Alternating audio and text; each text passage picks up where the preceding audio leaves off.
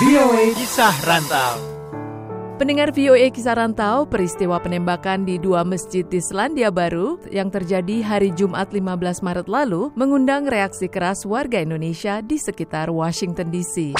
Saya Syarif Rahmat, member dari Imam, juga staf dari kantor atase pertahanan di Washington DC. Pekerjaan saya adalah juga pengamanan KBRI, juga di Imam. Jadi untuk pengamanan Imam Center sendiri, saya bisa menyatakan bahwa kita sudah cukup uh, mempunyai tim dan sistem yang cukup bagus. Tapi dalam hal situasi seperti saat ini memang kita memerlukan sedikit uh, attention dan more kepada uh, perhatian. Yang di mana saya lihat kita sudah meminta paling tidak dua Montgomery Police untuk menambahkan khususnya untuk hari Jumat ini yang di mana biasanya kita hanya dibantu oleh satu orang.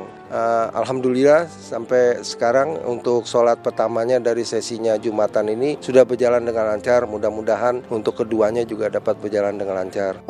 Saya Sofi, tinggal di Witten Station, gak jauh dari masjid di Imam Center sebagai hospitality-nya masjid. Saya terkejut dengan kejadian eh, yang di sana itu membuat hati saya dak dikduk dan juga takut apalagi menjelang bulan puasa ya.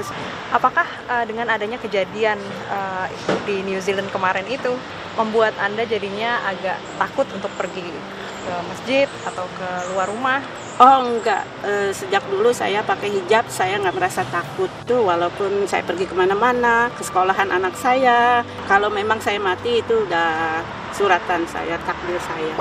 Kali ini kita akan mendengarkan komentar Ustadz Fahmi Zubir selepas sholat Jumat di Imam Center atau Indonesian Muslim Association in America. Nah kita kaget, kita bersedih kejadiannya di dalam masjid karena rumah ibadah adalah tempat yang orang-orang merasa aman beribadah kepada Tuhannya. Semua orang saya rasa ini berduka. Itu tadi berbagai komentar masyarakat di sekitar Washington DC terhadap peristiwa penembakan di Selandia Baru. Dari VOA di Washington DC, Dewi Sulianti pamit. The Voice of America.